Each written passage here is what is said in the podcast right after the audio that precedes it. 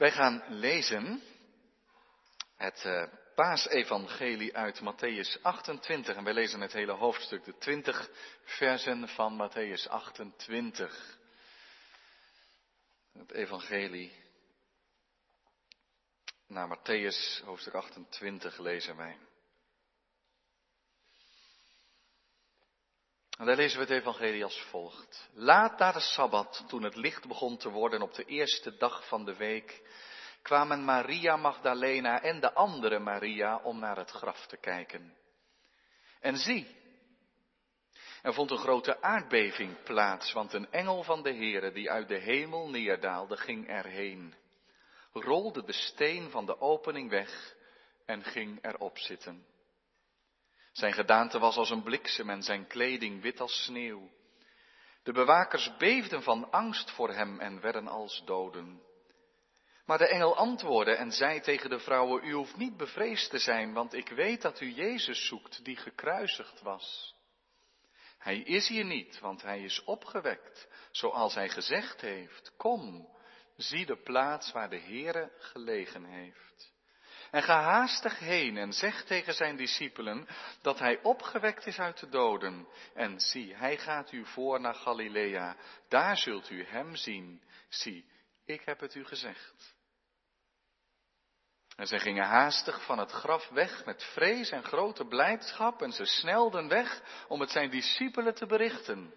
En toen zij weggingen om het aan zijn discipelen bekend te maken, zie, Jezus kwam hun tegemoet en zei, wees gegroet. Zij gingen naar hem toe, grepen zijn voeten en aanbaden hem. Toen zei Jezus tegen hen, wees niet bevreesd, ga heen. Bericht mijn broeders dat zij naar Galilea moeten gaan. Daar zullen zij mij zien. Terwijl zij onderweg waren, zie enige van de wacht kwamen in de stad en berichten de overpriesters alles wat er gebeurd was. En zij kwamen bijeen met de oudsten en zij kwamen gezamenlijk tot het besluit om de soldaten veel geld te geven. En zij zeiden, zeg zijn discipelen, zeg, zijn discipelen zijn s'nachts gekomen en hebben hem gestolen terwijl wij sliepen. En als de stadhouder hiervan hoort, zullen wij hem overtuigen en maken dat u zonder zorgen bent.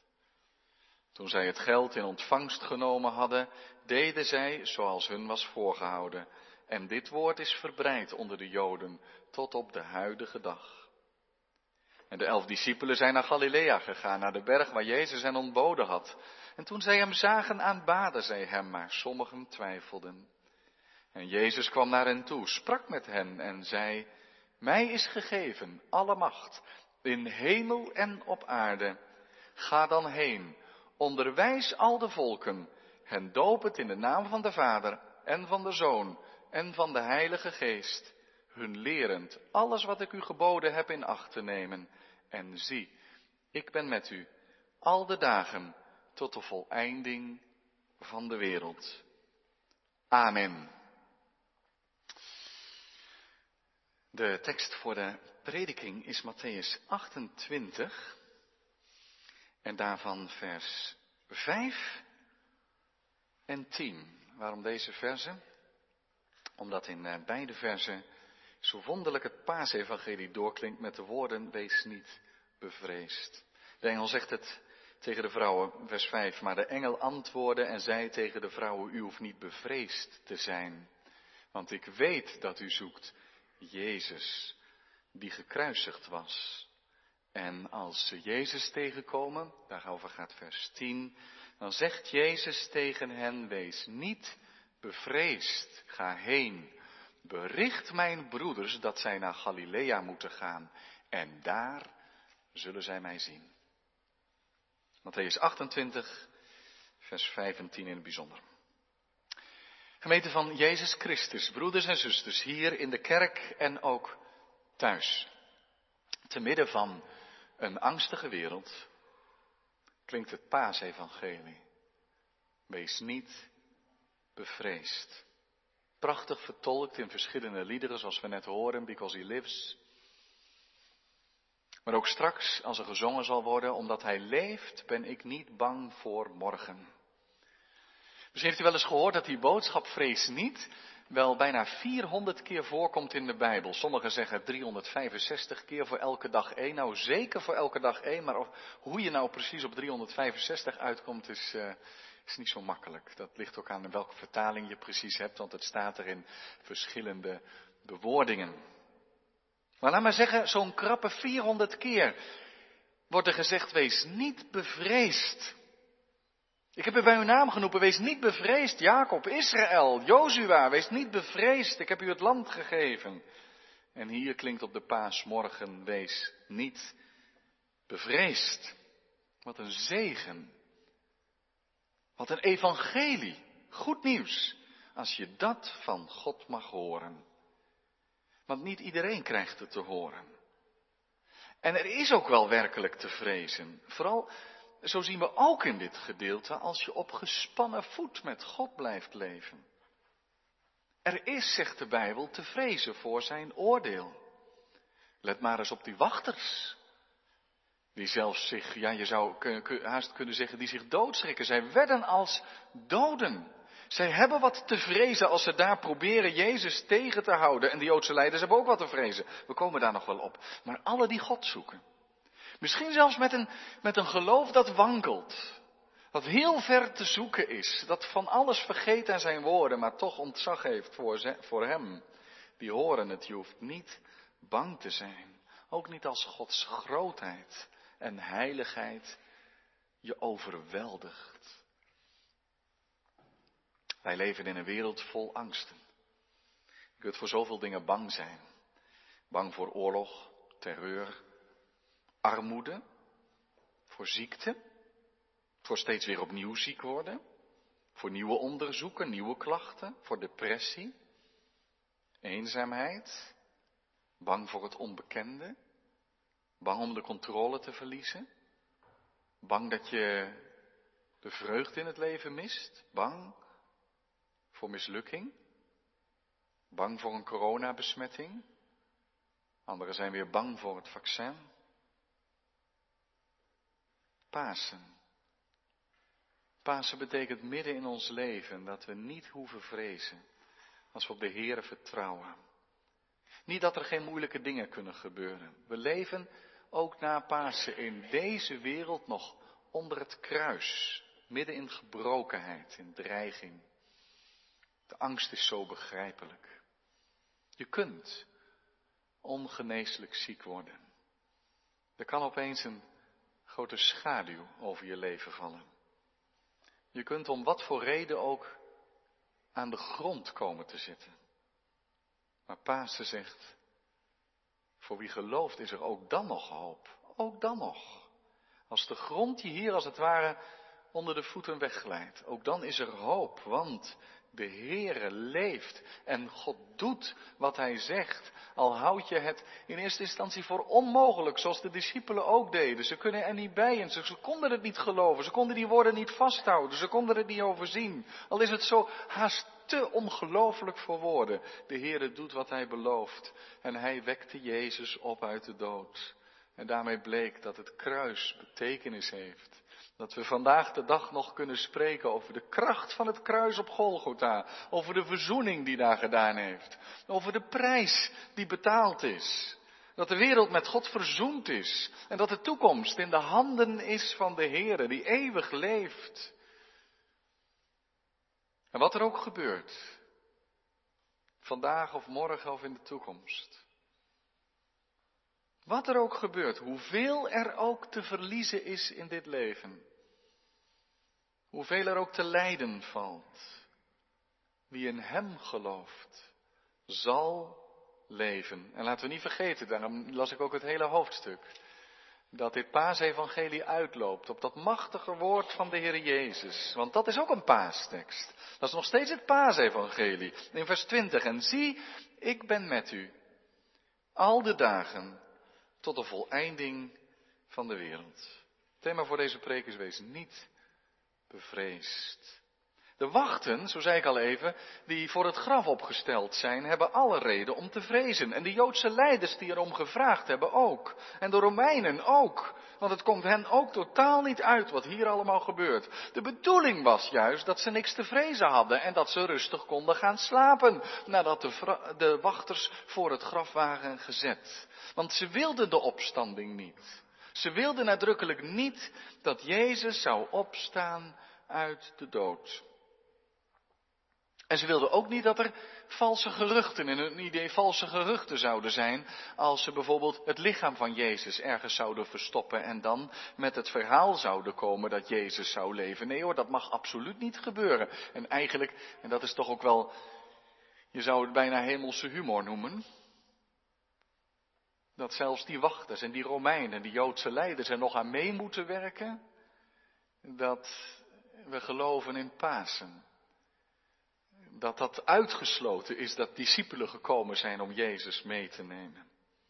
Nou, gelukkig werkten de Romeinen mee. Ze waren het er wel mee eens. De steen werd verzegeld, de wachten ervoor, de angst was voorbij, dachten ze. Maar op paasochtend is daar een hevige aardbeving. Hemels machtsvertoon met groot overwicht. En de engel, zo staat er zo triomfantelijk bij. Ik denk dat Matthäus het met een glimlach geschreven heeft. De engel, die ging er bovenop zitten als overwinnaar. Wie is het die de levende tegen kan houden als hij opstaat. De steen moet aan de kant, de engel zit erop. En dan staat er dat de aarde niet alleen beeft, maar de wachters beven ook. Net zo, met de aarde beven ze mee. En ze werden als doden, staat er in vers 4. Zij staan er als de levenden om de doden te bewaken, maar de doden wordt levend en de wachters worden als doden. Hemelse humor. Een beetje zoals het zo ernstig staat in Psalm 2 dat de volken plannen beraadslagen tegen de Allerhoogste, maar staat er in Psalm 2, maar die in de hemel zit, die zal erom lachen. Want hij volvoert zijn raad en hij laat zich door niets tegenhouden. Ja, er is alle reden om te vrezen als je Jezus dood wil hebben of houden. En begrijp me goed als ik zeg dat er, ik denk dat er vandaag ook nog veel mensen wachters voor het graf zetten of zelf een wachter zijn. Dat je zegt, maar ik wil daar niet aan denken dat Jezus leeft. Al heb je alle reden te geloven dat er toen iets machtigs en iets wonderlijks is gebeurd. Ja, dat Jezus werkelijk, werkelijk is opgestaan. En dat die bange discipelen tot vrijmoedige getuigen van zijn opstanding geworden zijn. Maar velen willen dat niet. Want als Jezus leeft, en die vraag stel ik natuurlijk ook aan u en aan mijzelf. Als Jezus leeft, dan wordt ons hele wereldbeeld anders. Dan mogen we geloven dat er één de machthebber in deze wereld is. Mij is gegeven, zegt Jezus, alle macht in hemel en op aarde. Dan heeft Hij de toekomst. En dan zullen degenen die nu macht hebben, moeten beseffen dat hun macht maar voor eeuwig is en ten einde gaat. En dat ze rekenschap moeten afleggen voor die Heer die leeft als Jezus toch leeft, wat moet je dan? Ja, dan wordt alles anders. Dan kun je niet anders dan Hem erkennen en naar Hem gaan luisteren. Maar als je Hem tegen wil houden, je wil Hem als het ware in het graf houden. Jezus, Jezus is van vroeger. Jezus is voorbij, hij heeft wel geleefd en heeft wonderlijke dingen gedaan, maar Hij leeft niet meer. Dan hou je Hem als het ware in zijn graf. Dan ontken je Pasen. Dan ontken je dat God daar neergedaald is. En dat hij die boodschappers gestuurd heeft, die engel, om de steen weg te rollen. En dat dat wonderlijke evangelie midden in de dood van deze wereld is gaan klinken. Dat God zijn woord waarmaakt, hoe dan ook. En dat Jezus leeft. Hij heeft geschiedenis geschreven, voor goed. En de toekomst is in zijn handen. Hemelse Heren. Grote koning, koning van alle koningen. En daarom zullen als Jezus eens in glorie verschijnt en alle knie zich voor hem zal buigen, velen zich, als het ware, en excuus voor de woorden, maar ik ontleent aan vers 4, doodschrikken. Je zullen worden als doden van schrik, maar tegelijk zeggen bergen valt op ons en heuvelen bedek ons, want we willen wel wegvluchten voor het aangezicht van deze machtige heren, deze levenden. Maar die vrouwen, die in de vroegte naar het graf komen, dat is een tegenstelling. Hè? In, in vers 5, daar staat maar de engel antwoordde en zei tegen de vrouwen, u niet. U hoeft niet bang te zijn, u niet, want wij weten wel dat u zoekt Jezus die gekruisigd was. Dat maakt het verschil. Ook al zijn ze de, de woorden van Jezus over de opstanding vergeten. Ook al kun je nou niet direct zeggen dat ze in geloof naar het graf gaan. Wel, wel in liefde. Je zou kunnen zeggen dat van die drie, geloof, hoop en liefde, alleen de liefde nog overgebleven is. Ze zijn als het ware niet van hem geweken. Oh, wat hadden ze hem lief. Ze waren hem trouw en toegewijd. Maar ze komen daar met zalfjes en specerijen. En dat, dat, ja, dat zegt eigenlijk wel, we verwachten zijn opstanding niet. We verwachten daar een dood lichaam aan te treffen. En dat zullen we nog gaan conserveren, dat zullen we eer bewijzen. Ja, de liefde is er nog, maar ach, de hoop eigenlijk niet meer en het geloof is haast verdwenen. Maar zij hoeven niet te vrezen, het paasevangelie klinkt voor hen. En de engel zegt het. En vergeet niet, hij is een boodschapper vanuit de hemel gestuurd. Het zijn hemelse woorden die hier klinken. Ze spreken niet hun eigen verhaal, maar ze zeggen het vanuit de hemel. En ze verkondigen het de vrouw en hij is hier niet. Als iemand zegt hij is hier niet, zijn dat doorgaans teleurstellende woorden. Hij is hier niet. Ach, is die er? Nee, die is er niet. Jammer, wanneer komt hij? Dat zijn vaak teleurstellende woorden, maar hier zijn het de mooiste woorden die je kan voorstellen. Hij is hier niet in het graf, waar je wel je liefde kan tonen, maar waar je geen hoop kunt hebben, waar je niet geloven kunt. Hij leeft. Hij leeft. En zo klinkt het evangelie voor deze vrouwen, die zijn woorden weer moeten gaan herinneren. En die ontdekken gaan dat de hoop die ze kwijt zijn geraakt, dat die meer dan terecht was. Hij leeft, hij heeft overwonnen. En al het lijden en het kruis van Golgotha was één getuigenis van zijn liefde. Hij heeft de geest gegeven om op deze dag weer op te staan. Niemand neemt het van mij af, had hij gezegd. Ik leg het af en ik neem het weer op. Onze goede herder. En dan zegt die engel erbij, zoals hij gezegd heeft. Ik weet niet of u daar een verwijt in beluistert. Als het al een verwijt is, en ik denk haast van niet, dan is het wel een heel mild verwijt. Dan zegt die engel niet, zoals hij u keer op keer op keer op keer op keer gezegd heeft. Wel drie keer toe en nog meer heeft hij het voorzegd dat hij zou opstaan uit de dood. Hoe kun je dat nou niet weten? Wat doe je daar toch met al je zalfjes en je ongeloof? Maar die engel zegt het niet. Hij herinnert slechts aan de woorden van Jezus. Weet je het nog, zegt hij. Weet je het nog dat hij het gezegd heeft? Zou hij het zeggen en niet doen? Snap je hoe die hoop dan gaat leven in het hart van deze vrouwen? En als je dat leest, dan kun je het met ontroering lezen, want dat is de manier waarop de Heer ook vertrouwen wekt in ons leven. Als we soms te bang zijn om te geloven en we zeggen het is haast te mooi om waar te zijn. En dat je dan gewezen wordt op die Heer die doet wat Hij zegt. En die doet boven bidden en denken. Hij die de dood overwint. Kijk, kom maar, zegt hij. Nou, kijk maar eens hier, kijk maar eens. En hij toont het lege graf. Opdat ze niet twijfelen, opdat ze het zeker weten.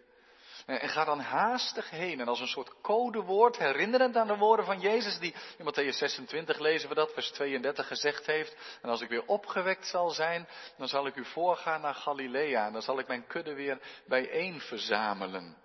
En zo gaat, eh, eh, zeg dit maar tegen mijn discipelen. Dan weten ze zeker dat het waar is. Dat kunnen jullie van niemand anders gehoord hebben. Het is haast een codewoord. Ga maar naar Galilea. Dan zullen we me zien en dan, dan herinneren jullie mijn woorden. Daar in die vertrouwde omgeving zal het paasevangelie echt landen. En daar gaan die vrouwen onderweg. En staat er in vers 8, en ze gaan met vrees en grote blijdschap. Ja, vrees is er nog wel. Ja, maar het is niet meer die bange vrees. Het is niet die bange vrees, die angst. Nee, maar het is, het is een diep ontzag. Het is een vrees. Ze staan te trillen als het ware op hun benen, omdat ze het niet kunnen bevatten. Dat is wat God doet.